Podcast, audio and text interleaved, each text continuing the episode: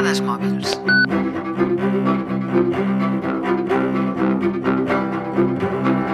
Abraham Lincoln deia que desitjar la immortalitat és desitjar la perpetuació d'un gran error. Bé, eh, avui dia les coses han canviat i el que fa no res ens semblava una pel·lícula de ciència-ficció, ara ja pot ser, o ja comença a ser gairebé real.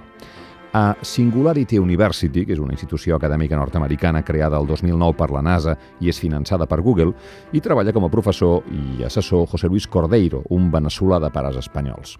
Cordeiro afirma ben tranquil que cap a l'any 2045, com a màxim, la mort ja no serà el nostre destí, sinó només una elecció. Afirma que en els pròxims 30 anys curarem totes les malalties i serem la primera generació immortal humana. I aquestes afirmacions eh, estan basades, com és natural, en avanços tecnològics i científics. Per exemple, una ONG centrada en investigar com allargar la vida humana i el rejuveniment va aconseguir allargar la vida dels ratolins 5 anys, el que equivaldria a 100 anys humans. Però no només es basa en experiments de laboratori.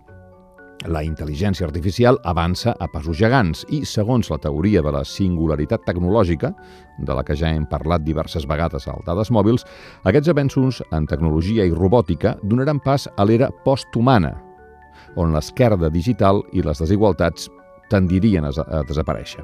En el moment en què la tecnologia en superi en intel·ligència, un software podrà provocar la mort de la mort i passarem a decidir si volem morir o no. I és en aquest punt on apareixeran conseqüències ètiques i morals. Eh, de veritat que necessitem viure milers d'anys? Eh, això podrà accedir-hi tothom o només els rics? I cabrem tots en el planeta? Però vaja, sembla que els científics també han pensat en això. Eh, la solució a aquest problema poden ser les colònies humanes a altres planetes.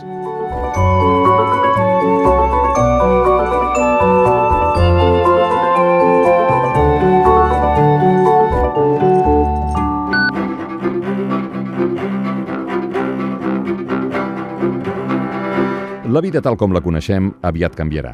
De fet, ja està canviant sense aturador i el que està per venir, ara mateix, ens sembla impossible, producte dels deliris de grandesa de les ments científiques més brillants. José Luis Cordeiro, professor a la Singularity University, és un dels grans referents. Cordeiro afirma que tindrem tecnologia que aturi o faci tornar enrere l'envelliment i que ens farà arribar al punt de decidir si volem morir o no. O sigui, que podríem ser immortals i encara més podríem controlar la nostra seqüència de genoma per prevenir malalties i decidir com serà la següent generació.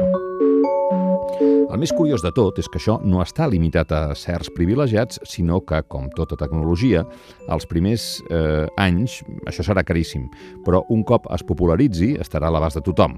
Per exemple, ara mateix hi ha quatre missions públiques i quatre de privades per anar i colonitzar el planeta Mart. I els primers bitllets, només, entre cometes, costaran mig milió d'euros. Més endavant serà com anar de vacances a Nova York i seqüenciar el genoma costarà poc més de 10 euros. Els éssers humans i la tecnologia cada vegada estaran més integrats gràcies a la biotecnologia i a la nanotecnologia, amb la qual cosa aconseguirem comunicar-nos telepàticament. Tindrem banda ampla d'alta velocitat al nostre cervell i millorarem la nostra capacitat de processament com els ordinadors. Amb la millora del processament de la informació arreglarem la capacitat de comunicar-nos entre nosaltres. Teòricament, gràcies a superar la manca de comunicació, podríem aconseguir també evitar guerres, invasions, maltractes, genocidis, eh, abusos en general eh, al món eh, desigual i en constant conflicte que ara tenim. La nostra capacitat d'entendre les coses, processar-les i comunicar-les telepàticament, si li sumem la intel·ligència col·lectiva, canviarà el món de dalt. Canviarà en l'àmbit polític, econòmic, social, no només en el tecnològic. El que no podem saber és si això serà tan utòpic i positiu com ho pinten, o bé si ens deixem alguna cosa al tinte i arribem a un món deshumanitzat per complet.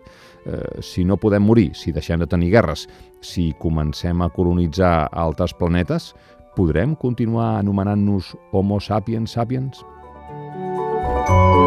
Thank you.